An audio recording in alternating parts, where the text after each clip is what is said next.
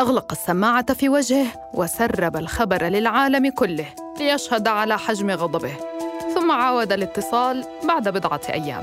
سارع لنشر الخبر بأن بيبي كما يحب تسميته أبدى هذه المرة عدم ممانعة. قال الرئيس الأمريكي جو بايدن إنه ناقش مسألة حل الدولتين مع رئيس الوزراء الإسرائيلي بنيامين نتنياهو وإن الأخير لم يعترض على هذا الحل. لكن بيبي رد ببيان مكتوب رافضا كليا حتى الحديث في الموضوع. نفى ديوان رئاسة الوزراء الإسرائيلي ما نقلته شبكة سي أن أن عن نتنياهو من التزامه بخصوص الدولة الفلسطينية خلال اتصاله مع الرئيس بايدن مؤكدا أن نتنياهو كرر على بايدن موقفه الثابت بخصوص الدولة الفلسطينية. وبين الأخذ والرد الأمريكي الإسرائيلي الواقع على الأرض يفرض علامات استفهام كبرى. أي حدود للدولة الفلسطينية التي يريدها بايدن؟ وبأي قيادة؟ وما مدى واقعية الرؤية الأمريكية؟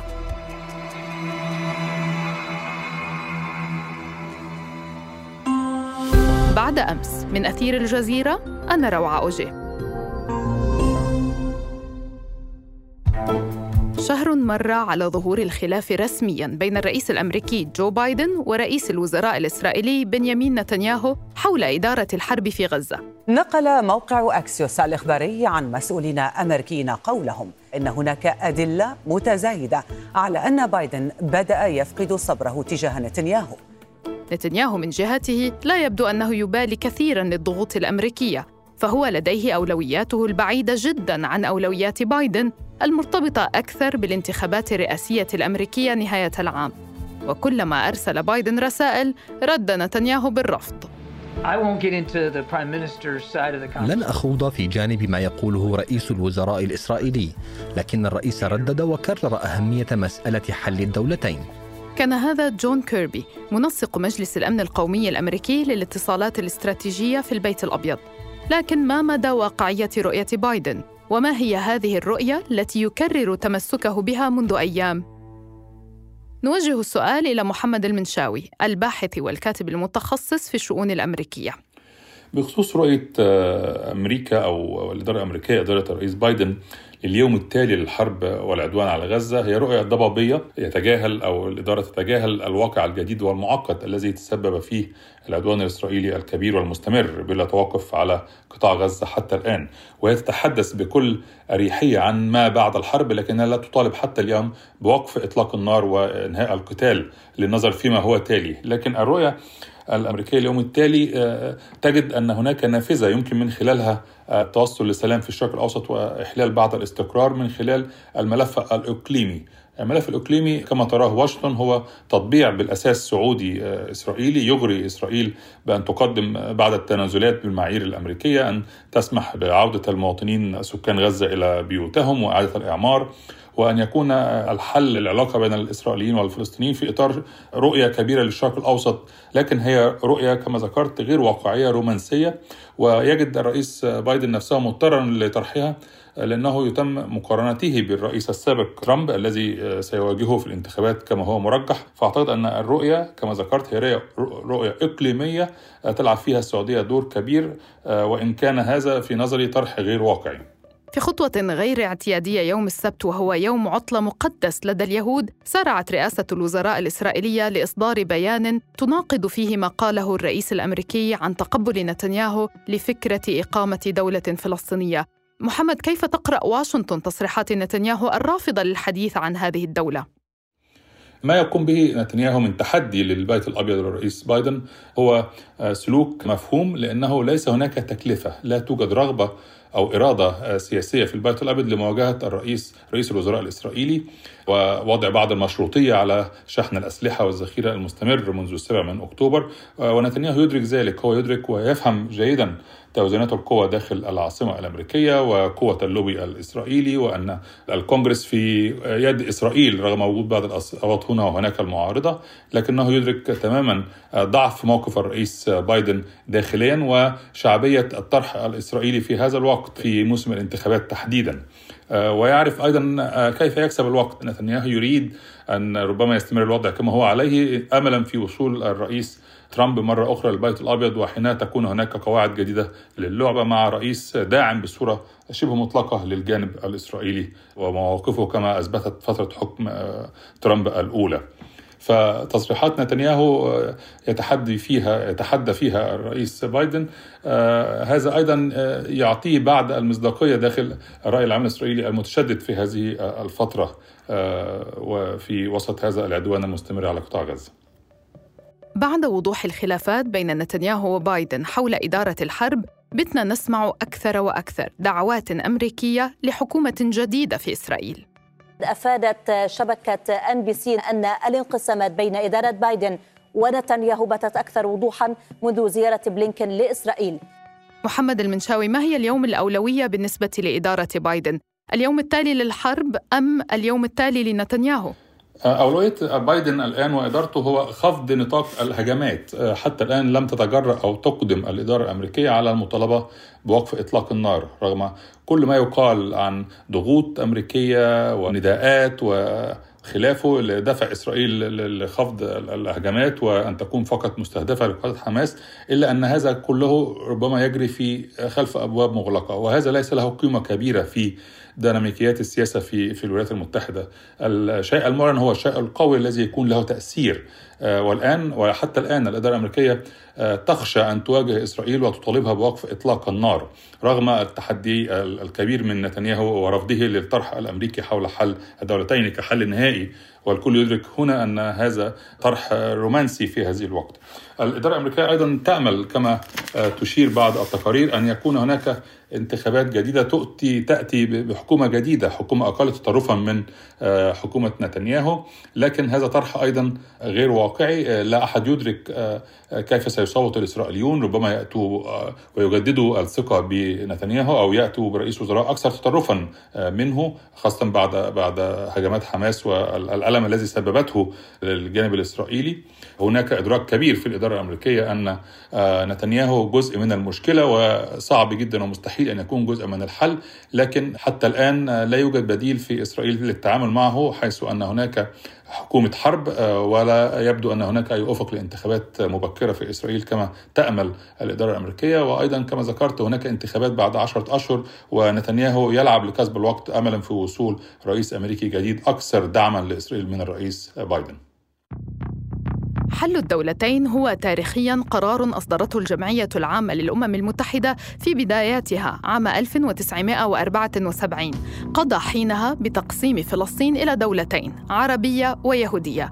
هذا القرار شكل حينها شرارة للعصابات اليهودية آنذاك لقتل وتهجير آلاف الفلسطينيين فيما عرف بالنكبة وإعلان قيام دولة إسرائيل عام 48 بعد النكسة عام 1967 تجدد الحديث عن حل الدولتين مع صدور القرار الشهير لمجلس الأمن الدولي رقم 242 الداعي لإنهاء النزاع المسلح وانسحاب إسرائيل إلى حدود ما قبل الحرب وإقامة سلام عادل ودائم في الشرق الأوسط وهو الأمر الذي لم يتحقق. وإننا حين نتكلم من على هذا المنبر الدولي فإن ذلك تعبير في حد ذاته عن إيماننا بالنضال السياسي والدبلوماسي مكملا ومعززا لنضالنا المسلح. في عام 1993 عقب الانتفاضة الأولى تم توقيع اتفاقية أوسلو كإعلان مبادئ فلسطيني إسرائيلي برعاية أمريكية والتي أسست للسلطة الفلسطينية كهيئة إدارة مؤقتة للأراضي الفلسطينية إلى حين السماح بإقامة دولة فلسطينية. اندلعت الانتفاضة الثانية بعد سبعة أعوام أدرك فيها الفلسطينيون ابتعاد حلم إقامة دولتهم فتلا ذلك تقديم المبادرة العربية في عام 2002 والتي اقترحت إقامة علاقات طبيعية بين الدول العربية وإسرائيل مشروطة بانسحاب الأخيرة من الأراضي المحتلة منذ 1967 والقبول بإقامة دولة فلسطينية عاصمتها القدس الشرقية. لكن المبادرة لاقت مصير سابقاتها من الفشل. ثم أتى ترامب واعترافه بالقدس عاصمة لإسرائيل ليقضي على فكرة حل الدولتين بصيغتها المتداولة سابقاً أي بدولة فلسطينية عاصمتها القدس الشرقية. اليوم نفتتح رسميا سفارة الولايات المتحدة في القدس. تهانينا. بناء على توجيهاتي أخيرا اعترفت الولايات المتحدة رسميا بالقدس باعتبارها العاصمة الحقيقية لإسرائيل. فما هي الدولة الفلسطينية التي يرغب بايدن برؤيتها؟ ضيفي الأستاذ الجامعي حسن اللبراري ومؤلف كتاب الصهيونية إسرائيل والعرب مئة عام من الصراع. أهلا وسهلا بك أستاذ حسن. قبل أن نقرأ شكل الدولة التي يريدها بايدن فلنقرأ رغبته المعلنة برؤية دولة فلسطينية. في أي سياق أتت بعد دعمه المطلق للحرب على غزة؟ يعني بداية عندما جاء الرئيس بايدن إلى الحكم لم يفكر بأي حل للقضية الفلسطينية وكان يعتقد بأنه بالإمكان أن يساهم في عملية التطبيع العربية الإسرائيلية دون معالجة القضية الفلسطينية. لكن بعد طوفان الأقصى تبين للجميع وأعتقد أن هذا أحد المكاسب الاستراتيجية لهذا الطوفان أنه لا يمكن التغاضي عن على الأقل البحث في حل لهذه القضية التي طال انتظارها، فبالتالي بايدن الرئيس بايدن يريد أن يجد مخرجا للورطة الأمريكية للورطة الإسرائيلية في هذا في هذه الحرب. اذا هو يريد بمعنى آخر أن يرضي الحلفاء العرب الذين يعني وعدوه بأنهم قد يساهموا في إعادة إعمار غزة بعد انتهاء الحرب مقابل أن يكون هناك مسار سلمي ينتهي بإقامة دولة. من هنا نفهم إحنا التوجه بايدن بأنه المصالح الأمريكية تقتضي أن يكون هناك حل لهذا الصراع وليس إدارة الصراع كما كان في السابق. هذا هو السياق العام الذي دفع بايدن لطرح هذه الفكرة دون أن يطرح المحتوى محتوى هذه الدولة وكيف يمكن ان ان بمعنى الجداول الزمنية وكيف يمكن أن تقوم. هذه أمور تركت لاحقا لكن على الأقل هو يضع الإند جيم بمعنى نهاية اللعبة هو أن تكون هناك دولة فلسطينية كحل نهائي لهذا الصراع. يعني عندما تقول إنه ليس لديه فعليا اليوم تصور لحدود هذه الدولة وشكلها، يعني كيف يتحدث عن الرغبة برؤية هذه الدولة وهو ليس لديه أي فكرة وليس هناك مقومات على الأرض، يعني ما الذي بيد الأمريكان فعليا لمساعدة قيام دولة فلسطينية بعد كل التآكل للضفة الغربية من قبل الاستيطان الإسرائيلي الغير شرعي؟ ما من شك أن الولايات المتحدة الأمريكية إن أرادت يمكن لها أن تغير كثير فيما يجري الآن. هي الوسيط الوحيد المقبول اسرائيليا. وأيضا الوسيط الوحيد الذي يرى العرب بأنها قادرة على التأثير على مخرجات السياسة الإسرائيلية. من هنا المسألة كل كلها مرتبطة بالإدارة الأمريكية أو الإدارات الأمريكية المتعاقبة. وقد أعلن عن مباركة الإدارة الأمريكية منذ الرئيس بوش الرئيس بايدن في حل الدولتين أو إقامة دولة فلسطينية.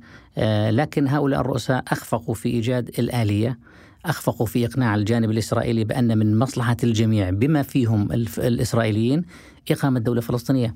لأننا نعرف بأن الجانب الفلسطيني أنا هنا أتحدث عن العقلاء في الجانب عفوا الجانب الإسرائيلي يتحدث عن العقلاء فيهم. يرون بأن الدولة الفلسطينية هي تؤدي إلى انفصال المجتمع اليهودي أو الوسط اليهودي عن باقي الفلسطينيين في هذه في هذه البقعة من النهر إلى البحر. وهذا يمكن أن يساهم في إيجاد إسرائيل اليهودية الديمقراطية لأنه بعكس ذلك بمعنى السيطرة الكاملة من النهر إلى البحر يعني الدولة ثنائية القومية أما ديمقراطية يحكمها الفلسطينيون أو غير ديمقراطية فيها نظام فصل عنصري تحكم فيها الأقلية اليهودية الأكثرية أو الغالبية الفلسطينية، هذه المعضلة الديموغرافية الإسرائيلية. يفهم بايدن ويفهم الجميع في الولايات المتحدة الأمريكية أن حل الدولتين وكذلك العقلاء في إسرائيل أن حل الدولتين هو في صالح إسرائيل اولا وأيضا في صالح المجتمع الفلسطيني الذي يمنح حق تقرير المصير أسوة بباقي الشعوب في هذه المنطقة. ولكن هؤلاء العقلاء ليسوا حاليا من يحكمون إسرائيل، نتنياهو يكرر رفضه وتمسكه بدولة إسرائيل من البحر إلى النهر، لاغيا كليا أي مجال للحديث عن حدود لدولة فلسطينية، لا بل هناك من يرى في حكومته أن الحديث عنها هو مكافأة لحماس على طوفان الأقصى.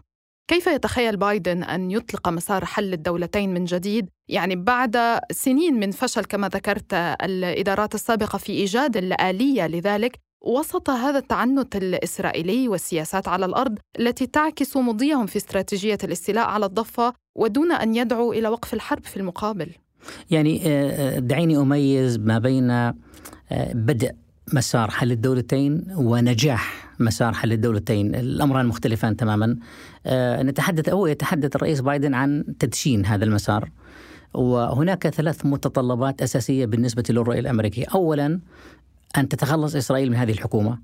آه، وقد بدأ الأمر تدريجيا لدى الإدارة الأمريكية عندما طالبت نتنياهو بإحداث تغيير آه، في الحكومة لأنه لأن بايدن يعرف بأن اليمين الإسرائيلي المتحكم في نتنياهو لن يسمح بهذا بتدشين هذا المسار. لكن تغير هذا الموقف الأمريكي الآن الحديث عن ما بعد نتنياهو. يعني كان جل الحديث الأمريكي عن ما بعد غزة الآن ما بعد حماس الآن ما بعد نتنياهو. لأن لأن الجانب الأمريكي استبطن أن نتنياهو أحد المعضلات وأحد يعني المعيقات أمام تدشين هذا المسار. هذا الشرط الأول، الشيء الثاني لن تقبل الولايات المتحدة الأمريكية أن تكون حماس هي الطرف المقابل. فبالتالي يجب أيضا التخلص من حماس، هكذا تفكر الإدارة الأمريكية الآن. كيفية التخلص هو تخلص؟ هل هو تخلص فيزيائي، تخلص سياسي، هل هو إبعاد القادة من حماس، هل هو إبقائهم بإمكانات أقل؟ لكن الحديث عن عودة السلطة الفلسطينية هو أيضا لتمكينها من قطاع غزة. وهذا يصطدم بظروف موضوعية. يعني ظروف موضوعية لها علاقة بحقيقة أن حماس ما زالت موجودة. آه، أن الجانب الإسرائيلي ميدانيا أخفق في التخلص من حماس أخفق في تقليص قدرات حماس بالشكل المطلوب. آه، والسلطة الفلسطينية لا تستطيع أن تعود على ظهر دبابة إسرائيلية ولا على دبابة أمريكية وتدعي بعد ذلك بأن تمثل الشعب الفلسطيني أو تمثل الحقوق الفلسطينية. آه، فبالتالي أنا بتقديري أن الدعوة التي أطلقها بايدن لتدشين هذا المسار هي هي غير واقعية لأنها تصطدم بمعضلات أكبر من قدرة الولايات المتحدة الأمريكية آه، في حلحلة هذه المعضلات. ناهيك عن حقيقة أن هذه الدعوة هي هي دعوة معلنة. لكنها تفتقد إلى أي آلية بمعنى لم يعلن الرئيس الأمريكي أو الإدارة الأمريكية أو مندوبيها عن أي خطة خارطة طريق. ما هي المراحل، ما هي الجداول الزمنية، من هم اللاعبون المدعوون للمشاركه، من هو الشريك الفلسطيني على وجه التحديد، ما هو موقف الدول العربية، آه، آه، كل هذا آه، هو عبارة عن بعض التسريبات الفضفاضة التي تفيد بأن بايدن يريد أن يدشن هذا المسار. العرب مقابل ذلك يعيدون أعمار غزة.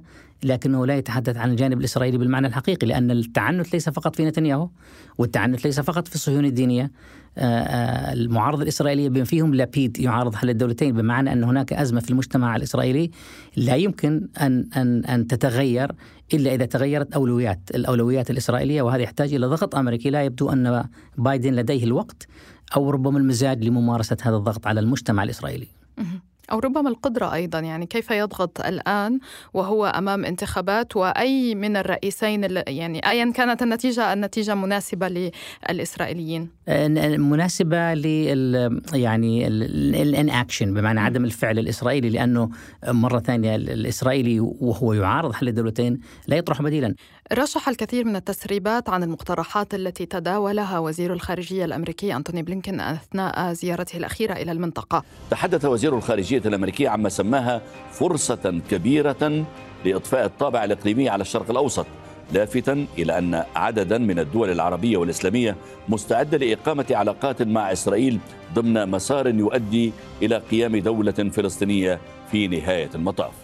أستاذ حسن البراري أين الفلسطينيون أنفسهم من هذه المقترحات؟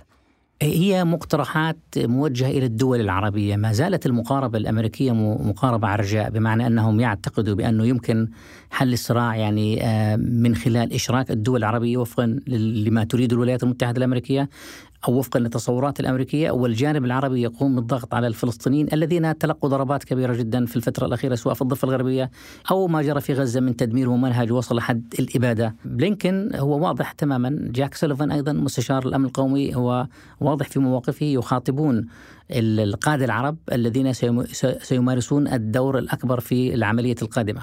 على اعتبار أن الفلسطيني سيكون يعني آه، متغير تابع آه، آه، في النهايه لا يملك من أمره شيء. وهذا يعني نتيجة قراءة أمريكية بأن الجانب الفلسطيني يعاني من انكشاف استراتيجي بعد أن فقد العمق الاستراتيجي العربي بعد أن خذلوا العرب آه، في في قممهم وفي قمتهم الأخيرة التي اتخذت قرار كسر الحصار منذ شهرين ولم نسمع بأي إجراء حقيقي. وهذا بعثها برسالة بأن العرب يقولون ولا يفعلون. ماذا يريد بايدن؟ ماذا يريد بلينكن؟ هم يريدوا إشراك الدول العربية لأن المصالح الولايات المتحدة الأمريكية تقتضي أن يكون هناك تقارب بين إسرائيل والدول العربية. وإذا كان ثمن ذلك هو إعلان لفظي لب سيرفيس لصالح حل دولتين أو إجراء حتى مؤتمر عقد مؤتمر آه، لذر الرماد في العيون أنا بتقديري أن آه، أن هذا هو أقصى ما يمكن أن تقدمه هذه الإدارة في هذا العام لأنها لا تمتلك الوقت ولا القوة في التأثير وإسرائيل أمام استحقاقات داخلية. حلم إقامة دولة فلسطينية إذن ما زال مرهونا بالإرادة الأمريكية فوق أي اعتبار، فهل ينجح بايدن فعليا في إطلاق عجلة المفاوضات حولها من جديد أم أنه سيجد ملفات أخرى يراهن عليها خارجيا لدعم حملته الانتخابية داخليا؟ بعد أمس من أثير الجزيرة تابعونا عبر كافة منصات البودكاست وأرسلوا لنا أسئلتكم ومقترحاتكم في التعليقات وعبر حسابات أثير على مواقع التواصل الاجتماعي دمتم بخير ونلتقي بعد أمس. thank you